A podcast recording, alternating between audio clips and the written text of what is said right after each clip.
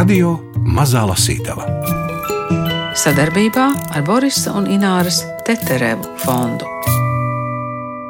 Ne tikai Francijā labais tonis prasa, lai tev būtu kaut viena izdota grāmata, līdz ar to zeļ un plaukst ēna rakstniecība, jo ne jau katrs politiķis vai aktieris pats savu grāmatu rakstīs. Vācijā savukārt smalki ir būt doktoram. Par to visu runājam ar tulkotāju Intu Šmiti, lasot franču rakstnieces Delfīnas Devigānas romānu balstīts patiesos notikumos. Šī grāmata varētu būt mazliet maldinošs. Ja mēs to iesākam lasīt, kā jūs teicāt, kā dāmas romāns? Nedaudz šis romāns sāks tā kā dāmas romāns ar divu sieviešu draudzību. Un, protams, var raisīties fantāzija, kā šīs attiecības virzīsies tālāk, cik tā draudzība būs cieša vai varbūt pajuks. Bet lapus es tā nepiefiksēju, bet pienāk brīdis, kad lasītājs saprot, ka nu nav tik vienkārši ka šī draudzība varētu būt tāda drusku neparasta.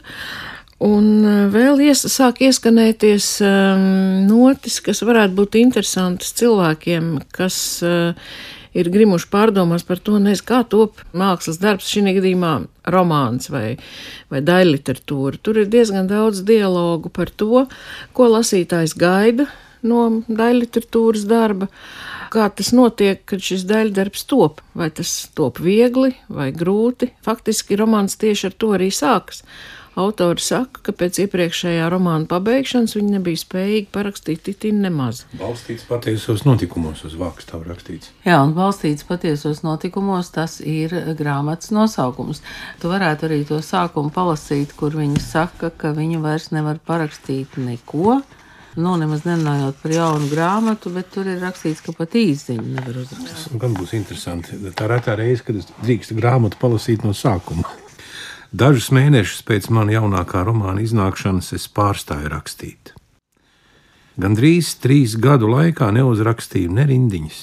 Stabili vārdu savienojumi reizēm jāsaprot burtiski. Es neuzrakstīju, nevienu lietišķu vēstuli, nevienu kartīti, lai pateiktos par viesmīlību, nevienu atklāti no brīvdienu ceļojuma, nevienu iepirkumu sarakstu. Neko, kas prasītu kaut mazāko piepūli, lai izteiktu domu vai piemeklētu atbilstošus izteiksmes līdzekļus. Ne rindas, ne vārda. Bloknotu klādi papīra lapiņu ieraugot vienu, uznāca nelabums.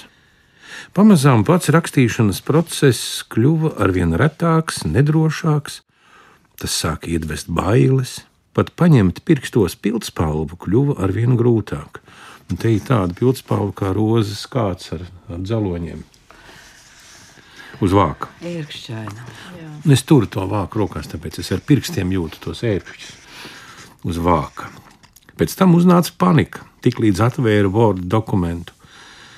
Es meklēju ērtāko pozu, optimālo ekrāna leņķi, zem galda izstiepu kājas un nekustīgi stundām sēdēju blenzdama ekrānā. Vēl pēc kāda laika sāka trīcēt rokas, tik līdz tās tuvināja tastatūrai.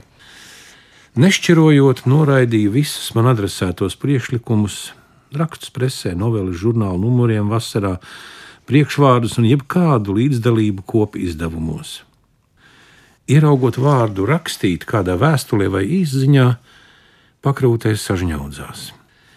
Rakstīt vairs nespēju. Rakstīt nu ne. Tagad zinu, ka tuvinieku lokā, literārajās aprindās un sociālajos tīklos par mani klīd visādas runas. Zinu, ka mēļoja, ka es neko vairs neuzrakstīšu, esmu nonākusi līdz kaut kādam galējam punktam, salmu uguns vai papīra uguns, kā likums ātri noplok. Vīrietis, kuru mīlu, bija iedomājies, ka saskarsmē ar viņu esmu zaudējusi deksmi, vai arī ka netieku klāt spēka avotiem un ka tāpēc drīz vien viņu pametīšu. Kad draugi, paziņas un reizēm pat žurnālisti sadūšojās mani izjautāt par ilgo klusēšanu, minēja dažādus iemeslus vai kavēkļus, tostarp nogurumu, braucienus uz citām valstīm, spiedienu, ko rada panākumi, vai pat kāda literārās dzīves posma noslēgumu.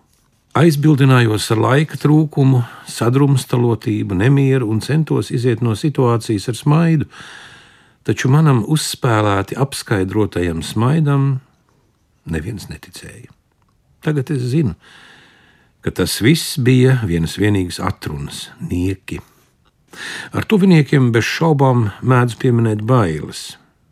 Neatceros, ka būtu ar viņiem runājis par šausmām, tomēr patiesībā tās būtu dēvējamas par šausmām. Nu, es spēju to atzīt. Rakstīšana, kurai tik ilgus gadus bija nodevusies, kur tik pamatīgi bija pārveidojusi manu dzīvi un man bija tik nozīmīga, uzdzina šausmas. Patiesība ir tāda, ka brīdī, kad būtu vajadzējis atkal ķerties pie rakstīšanas saskaņā ar ritmu, ko veido latentie inkubācijas un faktiskās rakstīšanas periodi, kuri cikliski cits citu nomaina, jau vairāk nekā desmit gadus piekopju šo gandrīz vai chronoloģiski bioloģisko ritmu. Tātad brīdī, kad gatavojos ķerties klāt grāmatai, kurai bija uzkrājusi zināmu daudzumu piezīmi un savākusi pamatīgu dokumentāciju, es satiku L. Fragments no Delfīnas Devigānas kūleņojošā romāna balstīts patiesos notikumos lasa un ar tulkotāju Intu Šmiti sarunājas Gundars Āboliņš. Tagad zinu, ka vienīgais mana bezspēka iemesls ir L. Un ka daudz netrūka, lai man uz visiem laikiem būtu apklusinājuši tie divi gadi, kad bijām saistītas. Franču valodā iniciālis L ir izrunājams tāpat kā vietnieku vārds viņa - L. Tā ir pareizi. Jā, es tieši sazinājos ar autoru un vaicāju, ko lai es daru, kādu risinājumu viņi man varētu no tiem, ko es viņai piedāvāju, ieteikt. Viens bija šāds, ka atstājam sievietes vārdu kā iniciāli L ar zemesvītras piezīmi, ka franču valodā to alfabētu burtu izrunā tāpat kā viņa, vai arī es rakstu V un lieku punktu, kas latvietim diez vai ienāktu prātā, ka tā runa ir par viņu. Un autori teica, ka lai būtu šis variants. Bet kā franču valodā tas izskatās? Tieši Lielais tāpat, L, jā? tieši tāpat, jā. L. Jo tad, kad mēs skaitām alfabētu A, A, B un tā tālāk, tieši tāpat arī franču valodā šos burtus izrunā, un L burtu izrunā kā L, un vietnieku vārds viņa ir L. Protams, tas L it kā ir dubultais, un tas ir drusciņi garāk nekā skaitot alfabētu, bet asociācija neizbēgam rodas. Tātad tā noslēpumainā sieviete vai viņa, nu, mēs jau esam faktiski pirmajā lapusē iepazinušies ar uh, abām galvenajām varonēm. Tātad uh, rakstniece, kura raksta S formā, Un un, viņa selle. Un viņa selle. Starp citu, Starp jā, citu, jā. jā, tā tiešām beigās izrādās viņa selle. Ne, negribu neko sīkāk stāstīt, lai nebojātu prieku tiem, kas vēl nav lasījuši, bet uh, patiešām tā varētu būt. Jā. Man tur kādu laiku bija tāda sajūta, ka tur būs kaut kādi seksuāli piedzīvojumi, bet jā, nē, nācās vilties. Nu, tagad jau uzreiz, kā teikt, atšuvi zinām daļu lasītāju. paši vainīgi. Ā, nu, ja tur nav par to, tad nepirksim to grāmatiņu. Tur, Es tur, domāju, man ka paši vainīgi. Tur ir jo interesantāks Tur lietas, ir ko var vēl daudz interesantāk. Jā. Ja tur būtu vienkārši mm, seksuāls attiecības, nu, un, jā. Bet šajā grāmatā, manuprāt, tiešām ir skartas arī daudzas tādas nu, būtiskas lietas, ka to varētu izmantot arī par rokas grāmatu dzīvē, tādos brīžos, kad tu esi nonācis tādā. Kaut kādā tādā nulles punktā vai zem nulles punktā, un kad liekas, ka pat tādas tev nav, un tu esi tik ļoti neaizsargāts, Un tad ir it sevišķi tajā brīdī jāuzmanās no cilvēkiem, kas var it kā labu darot, nemaz tik labi neizdarīt tev. jā, kur ir tā kā tāda. sakot, gribējās kā labāk, bet Sanāca vēl sliktāk. Jā, bet es pieļauju, parasti. ka ir cilvēki, kuriem nu, tā kā tāds uh, radars uztaust tos, kuriem tajā brīdī ir tas nulles punkts un kuriem Tie- nav ādas. vai ne? Varētu būt, jā. Tur jau arī zināms talants ir vajadzīgs, lai saprātīgi, racionāli domājoši cilvēki aptītu ap pirkstu, protams. Vispirms viņa pavēstīja, ka raksta citu cilvēku vietā. Tas ir viņas amats. Viņa izliek uz papīra atzīšanās, dvēseles viļņošanos, neparastas dzīves stāstus, kas to vien gaida, lai tiktu uzrakstīti. Retāk gludus mūža gājumus bez straujiem pavērsieniem, un tad nāks tos pārvērst episkos vēstījumos. Aizgājusi no žurnālistikas, viņa pirms dažiem gadiem sākusi ar rakstīšanu pelnīt iztiku. L ir ļoti pieprasīta izdevēja vidū un pat var atļauties nepieņemt dažus piedāvājumus. Laika gaitā par viņas specialitāti ir kļuvušas sieviešu autobiogrāfijas. Pēc viņas pakalpojumiem tikko aktrises, dziedātājas un politiķis. L pastāstīja, kā šis tirgus darbojas. Labākos kumosus savā starpā sadala trīs, četri rakstītāji. Visbiežāk viņa nāks konkurēt ar diviem citiem pazīstamiem vārdiem, kuri paralēli savai daļradēji piestrādā par neminētiem autoriem. Īstas ēnrakstniecības zvaigznes viņa piebilda. Neredzams literāta paveids, pie kuriem viņa pieskaita arī sevi, jo uz grāmatu vākiem netiek minēts ne amatbrāļu vai amatmāsu, ne viņas vārds, ja nu vienīgi titullapā, kas norāda uz sadarbību. Taču patiesībā ne grāmatas ārienē, ne iekšienē nekas neliecina par to, ka domājamais autors reizēm pats nav uzrakstījis ne rindiņas. Viņa nosauc jaunākos izdevumus, pie kuriem strādājusi, tostarp visā pasaulē pazīstams top modelis, memoārus un vairākus gadus gūstā turētas jaunas sievietes stāstu. Pēc tam Elle runāja par stundām garām intervijām, lai iegūtu materiālu grāmatai, par laiku, kas nepieciešams, lai viņus piejaucētu, par saikni, kas veidojas pamazām, sākumā kā taustoties, vēlāk ar vien intensīvāk un paļāvīgāk. Elle viņus uzskatīja par saviem pacientiem. Protams, šis apzīmējums nav jāsaprot burtiski, tomēr tas nav izvēlēts nejauši, jo būtībā viņi uzklausīja šo cilvēku raizes, pretrunas, visslēptākās domas. Daži pat jūta nepieciešamību paslēpties no viņas skatiena vai atgulties. Parasti Elga devās pie viņiem, izņēma diktafonu un telefonu. Reiz viņa pazaudēja visu materiālu, jo sarunas laikā aparāts izslēdzās, bet viņa to nebija pamanījusi un kopš tās reizes nodrošinās ar dubultu ierakstu un ļāva runāt un atsaukt atmiņas. Iepriekšējā vasarā viņa vairākas nedēļas bija pavadījusi Eivisā, populāras televīzijas raidījuma vadītājas mājā. Elle pieskaņojās viņas ritmām, iepazinās ar viņas draugiem un iekļāvās viņas vidē. Pamazām sāk raisīties vaļsirdīgas sarunas pie brokastu galda, nakts pastaigā, pēc svētku rītā, mājā, kas pēkšņi kļuvusi tukša. Elle bija ierakstījusi visu, nenozīmīgas sarunas, kuru laikā reizēm atskanēja kāds atklājums. Pēc dažu mēnešu darba viņa nu pat ir pabeigusi grāmatu. Elle patika atsaukties uz viņai uzticēto izēju materiālu, neapstrādātu, pulsējošu, kaut ko savā būtībā dziļi patiesu. Šo vārdu viņa atkārtoja vairāk kārt, jo faktiski tikai patiesajam ir nozīme. Un tam visam pamatā ir tikšanās, īpašās attiecības, kas pamazām izveidojas starp viņu un to otru cilvēku. Jāpiebilst, ka viņai esot grūti pabeigt grāmatu un uzreiz ķerties pie nākamās, ik reiz viņa jūtoties vainīga. Vainīga par to, kā aiziet, kā nepastāvīga un neizlēmīga mīļākā, kas pamat pirms attiecības vēl nav apnikušas.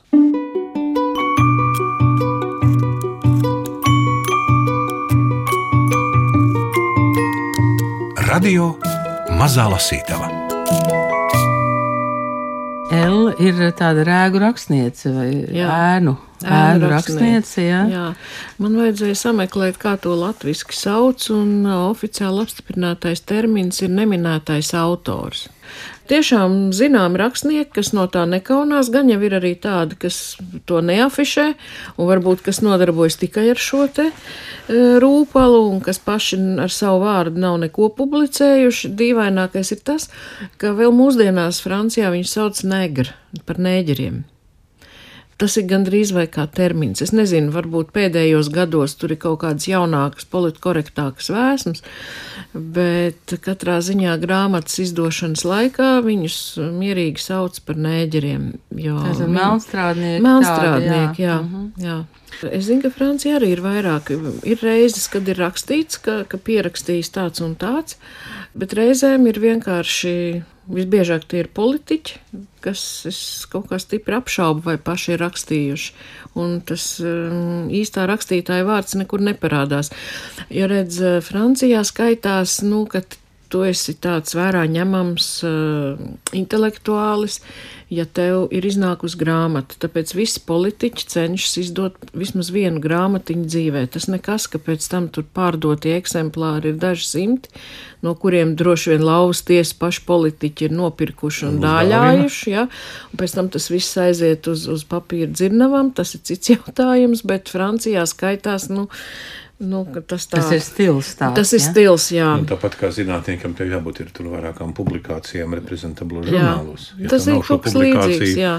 Tad tu neesi uzskatāms par nopietnu zinātnieku. Jā, tas tieši tāpat kā Vācijā skaitās ļoti prestiži, ja tev ir doktora grāts, jo, ja jūs esat ievērojuši Lufthansa, kad uh, cilvēks norāda savu titu, nu, kā viņu uzrunāt. Jā, Frau tur ir Frau Her vai doktors. Jā. Francijā savukārt tad vajadzētu. Lūdzu, rakst, ka es esmu doktors. Nu, ne, un ļoti labi pret mani attiecas. Un, un neviens tāpēc, neapšauba. Jā. Tāpēc, ka, tāpēc, ka Vācijā tas skaitās, jā. Un Francijā, Francijā tev vajadzīga kāda grāmata izdot. Jā, tad, jā tad bet tur stjords man neprasa ne grāmatu, ne darba apliecību, kur es jā. par doktoru strādāju. Tas viņam ir gluži vienalda. Nu, atgriežoties pie grāmatas jā. balstīts patiesos notikumos.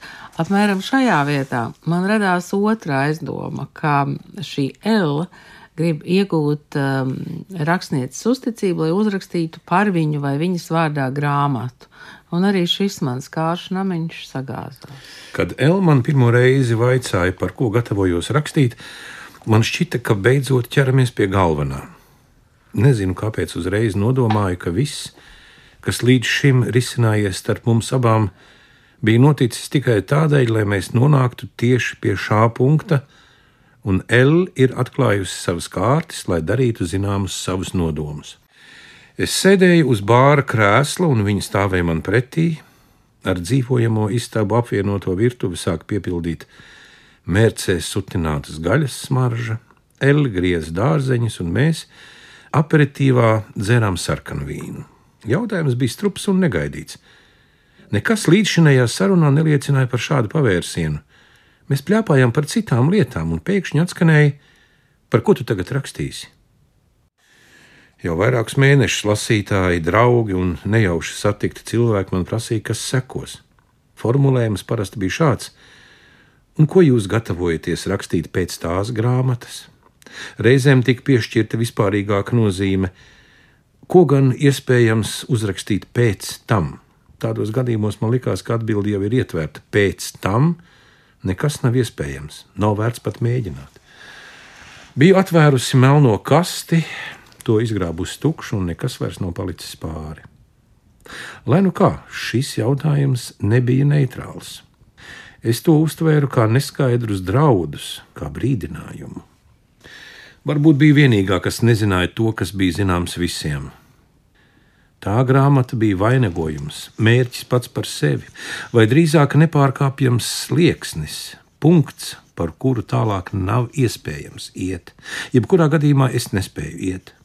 Pēc tam nekas nebūs iespējams. Bēdīgi slavenais stāsts par stikla griestiem, par nekompetences robežu. Lūk, ko nozīmē šis jautājums. Bet varbūt tā ir tikai mana kļūdainā interpretācija, paranojas izraisīts izdomājums. Jautājums bija tieši tik vienkāršs, cik vienkārši izskanēja, bez jebkādām slēptām domām, bez zemteksta. Tomēr ar vien biežāk to dzirdot, pakāpeniski piesakās šausminošā sajūta, ka neviļus esmu uzrakstījis savu pēdējo grāmatu. Grāmatu, pēc kuras nekas nav iespējams, nav iespējams neko uzrakstīt.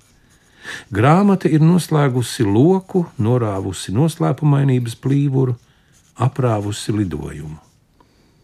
Kad tikos ar lasītājiem, mana redaktore, kas arī reizēm piedalījās, pamanīja, cik ļoti mani izsit no līdzsvara šādi jautājumi, kas ikreiz atkārtojās. Vairāk kārt viņas klātbūtnē es tik tikko novaldījos, lai nekristu panikā un neatbildētu ne kundze, neko. Pēc tam neko nav iespējams uzrakstīt, ne rindiņu, ne vārdu, Rakstīšana ir pabeigta reizi par visām reizēm. Tā viņš ir, kungs, jums taisnība. Esmu kā izdegusi spuldze, esmu iztērējis visus krājumus, paskatieties uz to pelnu kaudzīt sev pie kājām. Esmu mirusi, jo visu esmu sadedzinājusi. Elli jautājums nebija gluži tāds pats. Viņa nejautāja par to, kas būs pēc tam. Viņa sacīja tagad. Ko es rakstīšu tagad? Lielais lēciens, lēciens no tramplīna, lēciens tukšumā, patiesības brīdis. Šie teicieni cits pēc cita ienāca prātā, kamēr L satraucošā apņēmībā grieza dārzeņus. Tā tad tagad.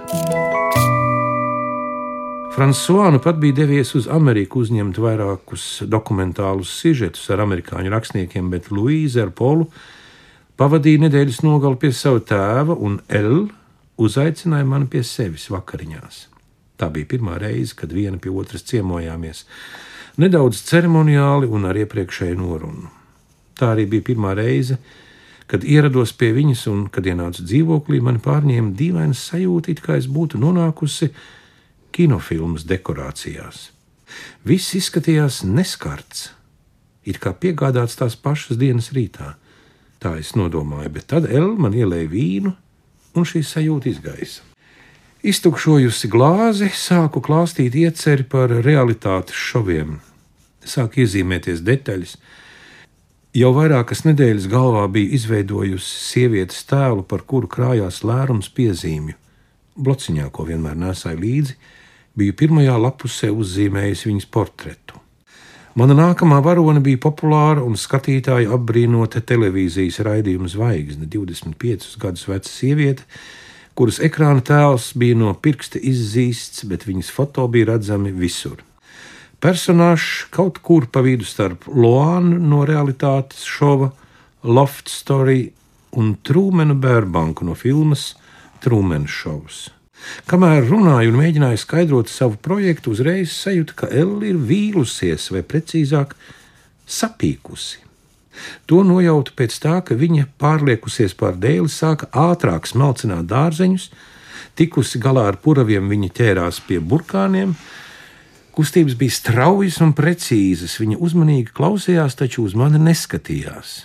Kad bija lielās līnijās pavēstījis par jauno grāmatu, viņa brīdi nogaidīja un ierunājās tikai pēc tam. Es domāju, tādu tukšumu periodu var rasties eh, kuram katram, arī tulkotājam, nu kaut vai kaut kādu dzīves notikumu dēļ, kas tulkotāji ir izsmēluši, vai tie ir ļoti pozitīvi, vai, vai gluži otrādi negatīvi. Protams, ir arī vienmēr termiņi. Un vismaz man bieži vien ir tā, ka es um, nolieku malā tulkojumu melnrakstu, lai tas noguļas, un tad ķeros pie nākamā pēc īsas pauzes. Pa tās pauzes laiku parasti ir jāizmēž kakti mājās, un tādas lietas jāizdara, kurām nav laika. Tulkojot. Un pēc tam ar svaigu acu var pārlasīt. Un pēc tam ar svaigu acu, jā, to mēlrakstu var pārlasīt. Es domāju, ka jā, ka katram tāda tukšuma perioda noteikti ir. Vismaz man tāda ir, jā. Vai par to kaktu tīrīšanas laiku jūs nedodat izlasīt mēlrakstu redaktoram? Nē. Nē, nu tas ir tāpat kā pidžāmā iziet no mājas ārā un nesakātiem matiem. Tas ir mēlnraksts, kur es nolieku, lai tas paguļ, un tad es tam ķeros klāt un taisu gatavu, lai varētu nodot izdevniecībai. Bet redaktors tur tad neiejaucas. Nē. Jūs pati esat sev redaktors. Protams, un tad es to dodu izdevniecībai, un izdevniecībā ir cits redaktors, kurš ar svaigu acis skatās. Ziniet, kāda man bija trešā sajūta šo grāmatu lasot, ka ir jāuzmanās no cilvēkiem, kuri pēta tavu grāmatu plaukt. Arī, jā. Nu, mēdz jau teikt, pasaki, kas ir tavi draugi, es pateikšu, kas tu esi, pasaki, ko tu ēdi, es pateikšu, kas tu esi. Grāmatplaukts jau daudz ko liecina. Bet Nu, run- privāta telpa vispār par cilvēku liecinu. Jūs varat man nestāstīt savu biogrāfiju. Ielaidiet mani uz desmit minūtēm savā dzīvoklī. Un tas man ļoti daudz par jums izstāstīs. protams. Tā skaitā grāmatplaukts. Tā skaitā, jā. Vai Jā, ir. sāksim ar to, vai tāds tur ir? Vai tāds tur ir? Jā. Un, un cik tur daudz ir knibuļu salikts skaistumam, un cik tur daudz ir grāmatu.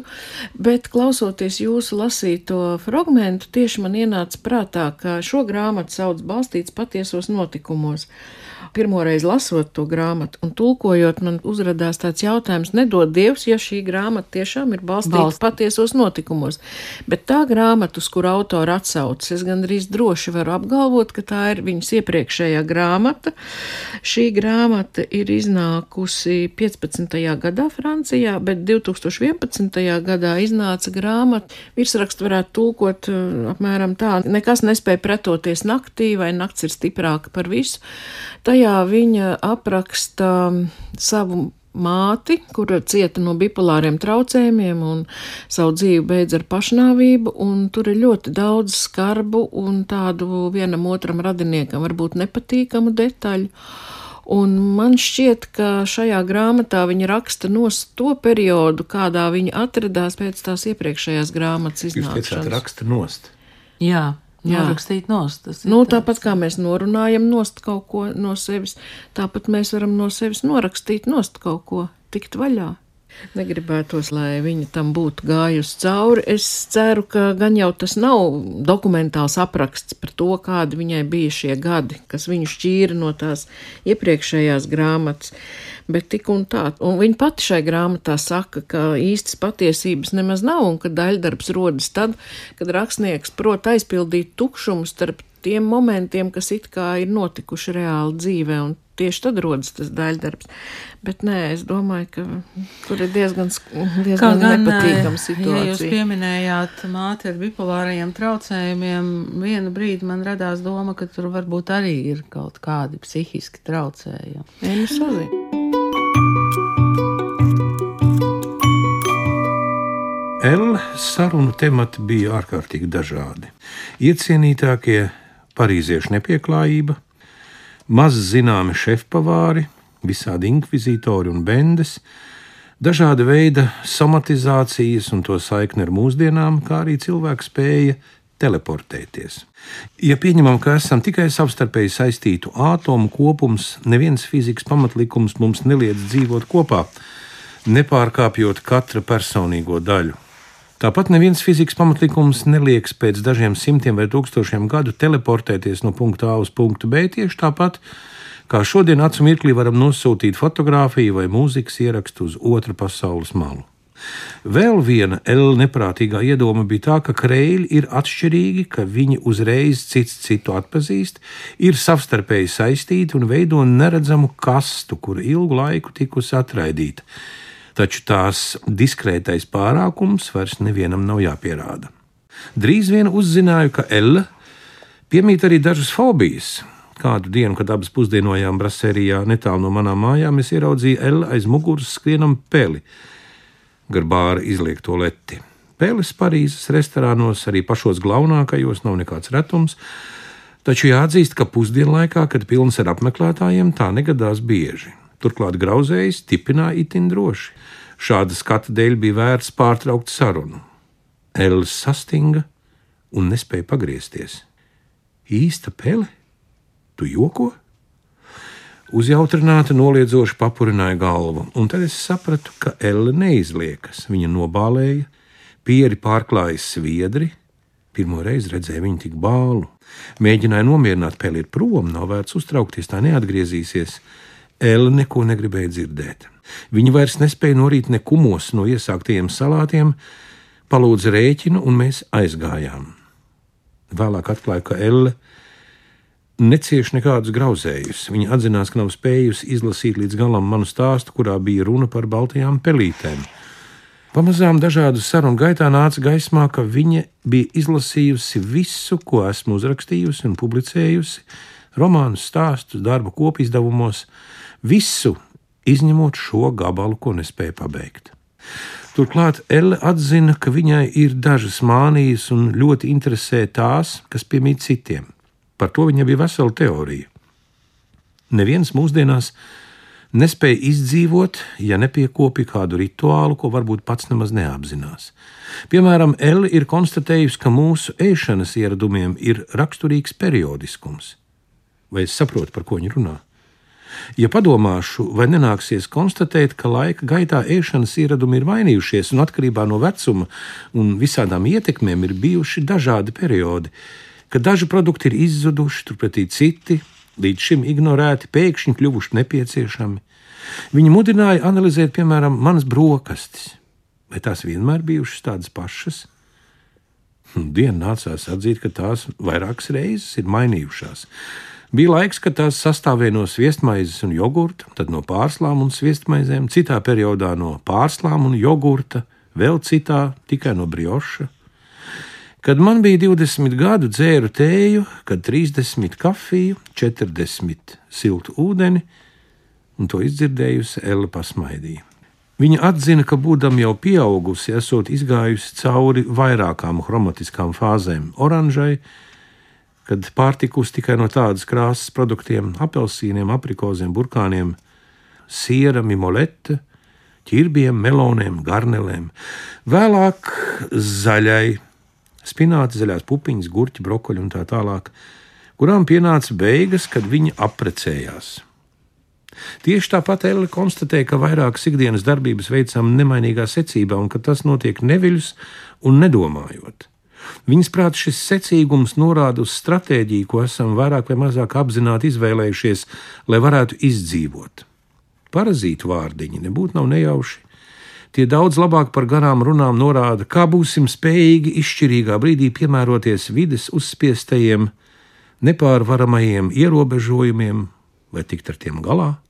Ella uzskatīja, ka ikdienā cilvēku bieži lietotie izteicieni labāk par jebkuru padziļinātu dzīves vai dienas kārtības analīzi atklāja mūsu nopietnākās raizes. Tā piemēram, toreiz, kad šķita, ka nekas nenotiek kā nākas, kad visa sabiedrība šķita kā sastingusi, elpu aizturējusi, cilvēki bez vajadzības atkārtoja: viss notiek. Arī pasākumi, filmas, cilvēki vairs nebija ļoti, ļoti simpātiski, ļoti garlaicīgi, ļoti ātri, ļoti lēni. Tie bija kļuvuši baigi baigi simpātiski, baigi garlaicīgi, baigi ātri, baigi lēni. Varbūt tāpēc, ka tāda dzīve nu diena bija kļuvusi baiga. Latviešu lasītājiem jau pazīstami franču mūsdienu rakstnieks Delfīnas Devigānas darbi Lojalitātes, bērni ir karaļi, no un es. Delfīnas Devigānas romānu balstīts patiesos notikumos, no franču valodas tulkojusi Inta Šmite, izdevis Jāņa Rozes apgāds. Lasītavu veidoja Nora Mitspapa, Agita Bērziņa, Gundars Āboliņš un Ingvilda Strautmane.